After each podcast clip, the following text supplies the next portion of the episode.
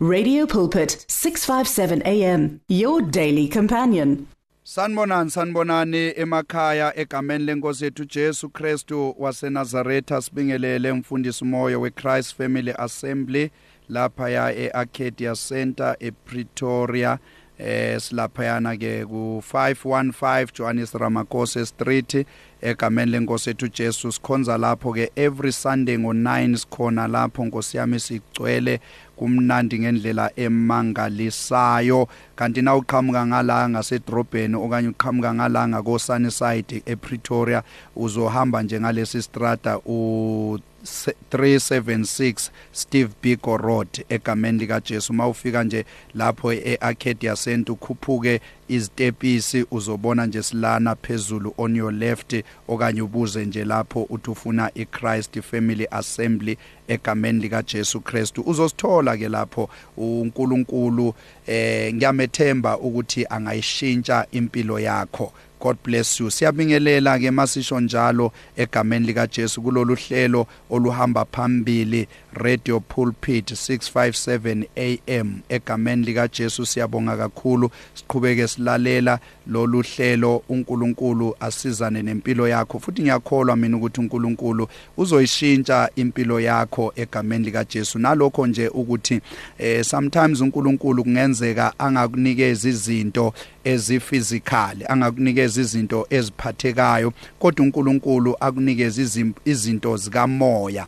Baningi abanye bangafakazela lento engiyikhulumayo balalela emakhaya ukuthi kungenzeka ngakuphi imoto uNkulunkulu kungenzeka angakunikeza manje umuzi angakuphi manje izinto eziphathekayo ezibonwa ngabantu. Kodwa uNkulunkulu aqala adile nawe nje uqobo lwakho. Uthola ukuthi kukhona abanye Nkosi yami unomoya wolaka. Uma nje sevukwe ulaka uzajuluke ngisho namakhala impumulo zakhe zivele zijuluke kube ngathi ikhala lentsha. Uyabona nje ikhala lentsha liba njani? Thola seligcwele amanzi lana. Ya nomuntu nayo khona abantu abajulukayo nasebe sebe sebekwatile sebethukuthele sebe sebanjwe umoya olaka ubonke umuntu. Hey inkosi yami uyambona ukuthi hey nensimbi angayidla lo ngamazinyo. Kodwa ke mawuthi uyabheka uzobona ukuthi uNkulunkulu ukusizile wawungumuntu onjalo kodwa manje awusathukutheli. Noma kukhona into ekulimazayo sewuyakwazi ukuyiflathela uyihambele nje uye kwakho okanye ube busy ngezinye izinto ignore izinto ezinjalo. Kanti wena kahle kahle uyazazi wena ukuthi ngendlela owawunolaka ngakhona umuntu nje nani ngaphikisani awabeka amazwi nawo wabeka awabeke nawo wabeke. No no no kwakungenzeki kanjalo. Kwakuvele kukhala iqhupha same time phezukwendoda uyabona nje wona wawushayana wena wawulwa wena. Uma ungumama la ekhaya ulaka lwakho wawuthatha noma yini noma libhodo elikhona la eduze phonse ngalo abantwana la ekhaya. Kodwa mawuthi uyabheka uNkulunkulu kusizile khona izinto zesimoya ahambe wazilungisa engakalungisi lezi eziphathekayo. Abanye uzothola ukuthi umoya ukubekezela nje ubenganawo umeke waba neappointment nje nomuntu wathi sihlangana ngo2 lo muntu wafika nje ngo10 past bethola sewuhambile. Uyabona nje ubungakwazi nje wena ukulinda kodwa ngoba siloke siyashumayela sithi umoya ukubekezela umoya wepatience is one of the fruit of the spirit. Oh nawe so uyakwazi ukubekezela uunderstand umuntu ethi hayi no kahle kahle ngisendleleni inkinga nje ukuthi la engihamba khona kube ne traffic okanye kube ne accident i have to find another alternative route. Nawe usuyakwazi uunderstand isimo somunye umuntu uyakwazi na ukuzibeka esicathulweni somunye umuntu uyakwazi ukubekezelela omunye umuntu usuyakwazi na ukuthi ukhuthaze omunye umuntu. Kahle kahle wena uyazazi ukuthi wawungumuntu onjani. Mangisho njalo ke kukhona engimkhuthazayo ukuthi bheka ukuthi uNkulunkulu uhambela ngakuphi esimeni sempilo yakho. Kungenzeka akahambelanga ezimalini okanye ezintweni eziphathekayo kodwa uhambele kwicharacter yakho. Khona into eshintshayo character wise kuwe. Abanye babephuza manje na uthi uyabheka usaphuzi abanye babebhema na uthi bayabheka abasabhemi. Abanye mhlawumbe wayephuza okweqile engasalali nasekhaya okanye wakungeke umthole nje ngeSaturday la ekhaya lo baba. Uhlala nje eseklabhini okanye uhlala nje esemathaveni endaweni zobumnandi. Kodwa manje seyakwazi lo baba ukuthi hayi mana ayihlalele nje endlini ayiphuzele 2 or 3 nyana ayilalele nje peaceful avuke eksena yesontweni uyabona ukuthi uNkulunkulu kancane kancane lokuyampheka lo baba lokuyampheka manje mangisho njalo ke ngithi nawe mama ke ekhaya mbekezelele lo baba. Uzobona ngelinye ilanga nguyena umuntu ozolahla konke ashiye zonke izinto zasezweni azenkonzweni azokhonza uNkulunkulu. Nabantwana bakho babekezelele maduze uzobuya nobufakazi egameni lika Jesu Kristo waseNazaretha. Ngiyaqhubeka ke balalela emakhaya eh ngendaba yami ya last week Mark chapter 2 Mark chapter 2 verse 4 and 12 verse 4 and 12 verse 4 and 12 asifunde kafishane bese siyayivala. Lithi iBhayibheli bengakwazi ukumsondeza kuye ngenxa yesixuku. Baqhaqha uphahla lwendlu lapho uJesu ayekhona. Kuthe sebevule sebevule isikhala behlisa uhlaka ayelele kulo ofe uhlangothi. Verse 12 wayesevuka wathatha uhlaka lwakhe masinyane. Waphuma phambi kwabo bonke bamangala bonke bamdumisa uNkulunkulu bathi asikaze sikubone okunje. Baba izwi lakho siyabonga egameni lika Jesu Kristu waseNazaretha. Baba alithola indawo enhlizweni zethu lakhe libuse lidala izinto ezintsha livula iminyango evalekile liphilisa izifo zethu ngegama lenkosi yethu Jesu Kristu. Amen. Now balalele emakhaya siyaqhubeka ngendaba yethu. Uzokhumbula ukuthi eh last week Saturday bengishumayela ngalamadoda amane afika endaweni ebizwa ngeCapernaum lithi iBhayibheli uJesu wayelapho nesixuku sasikhona. Nawu lithi iBhayibheli uJesu kwakunesixuku esi esiningi kakhulu. Abantu ababebuthene lapho babebaningi kakhulu. Kanti kulabo bantu kwakuzoba khona amadoda awu4 amane. Amadoda ayephethe indoda eyayife uhlangothi a man who was paralyzed. Indoda eyayilele ohlakeni sleeping on a stretcher or on a pallet. Le ndoda ilele kanje ayizenzisi. Kunzima empilweni noma ithi yazama akuzameki. Iphelelwe ngamandla uyabona umuntu osuke eparalyzed ngumuntu osuke engasakwazi ukuzenzela noma yini. Noma thi uyazama akusazameki.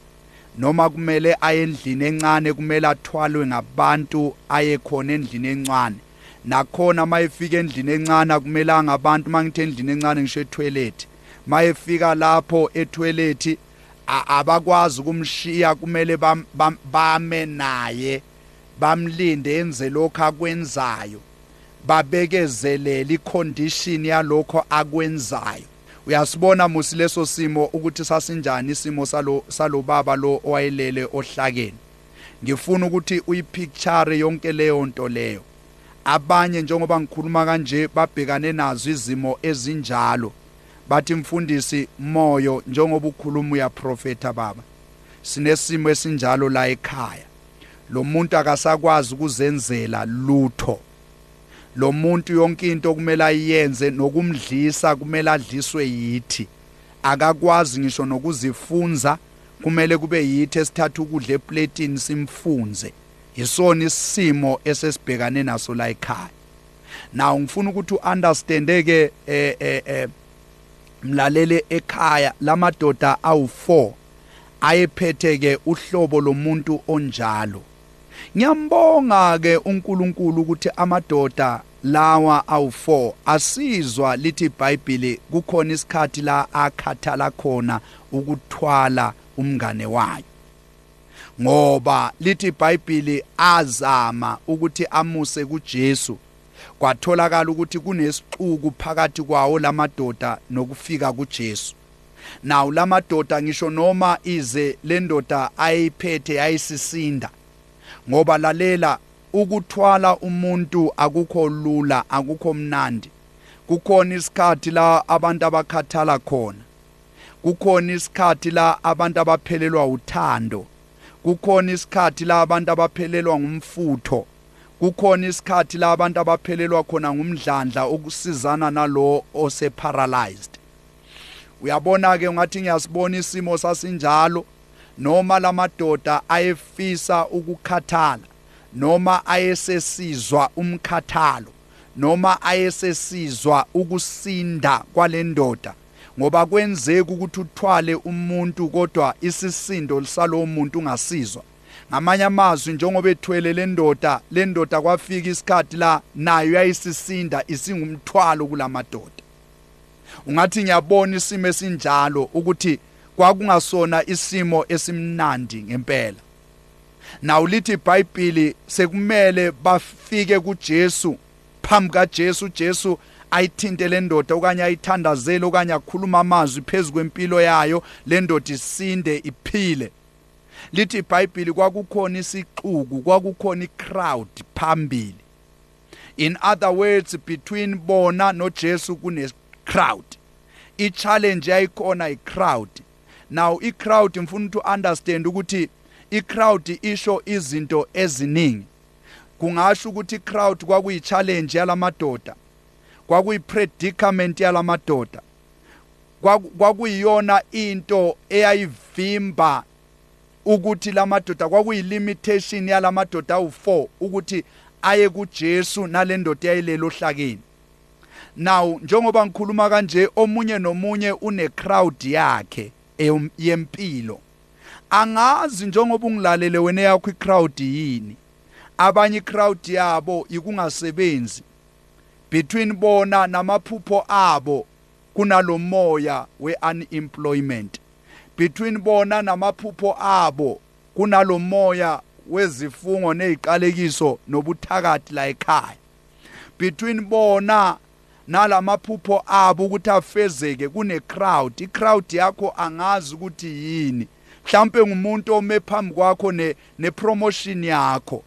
Ngoba kukhona abantu abanjalo emsebenzini la enisebenza khona.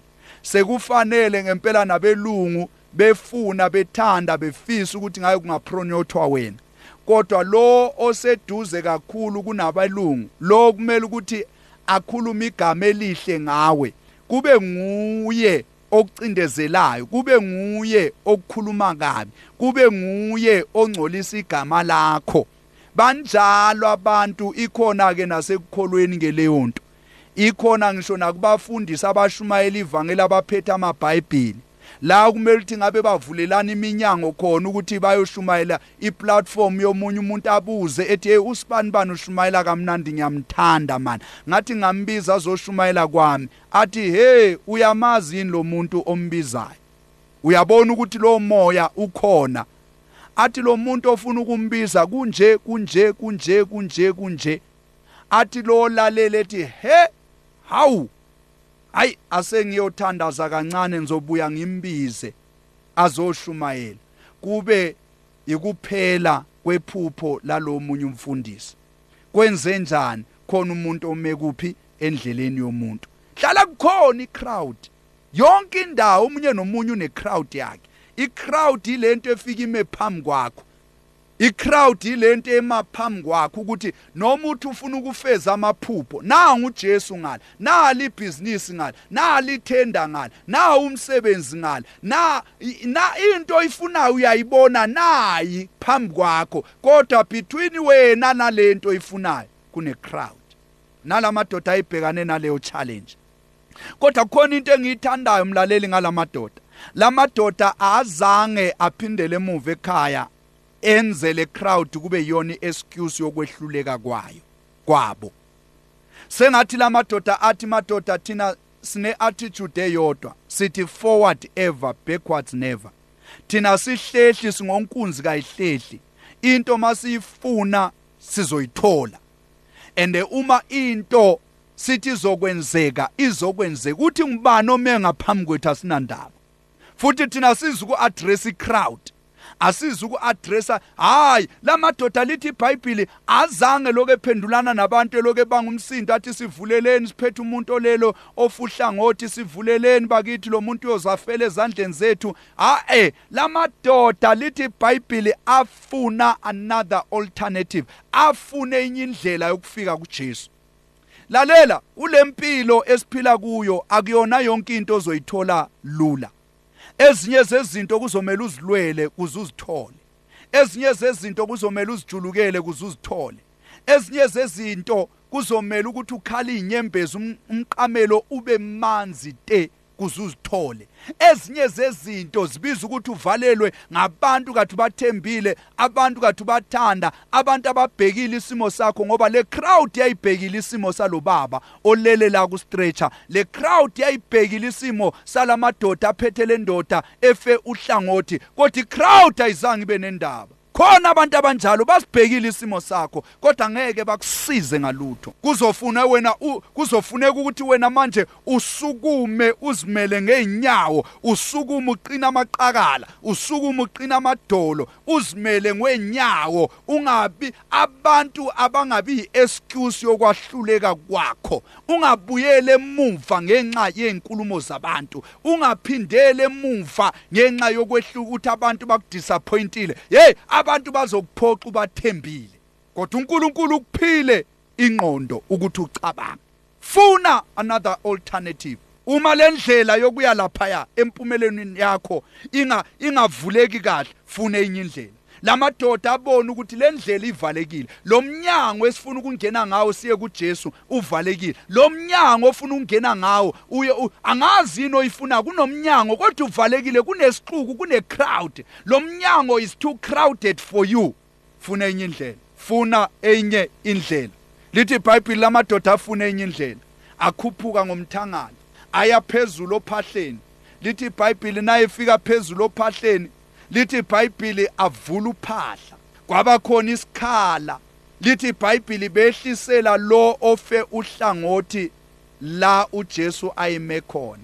Ngizothi mntanami njengoba ungilalele mlalele ekhaya ezinye zezinto sizofuna ukuthi uvule uphahla phezulu.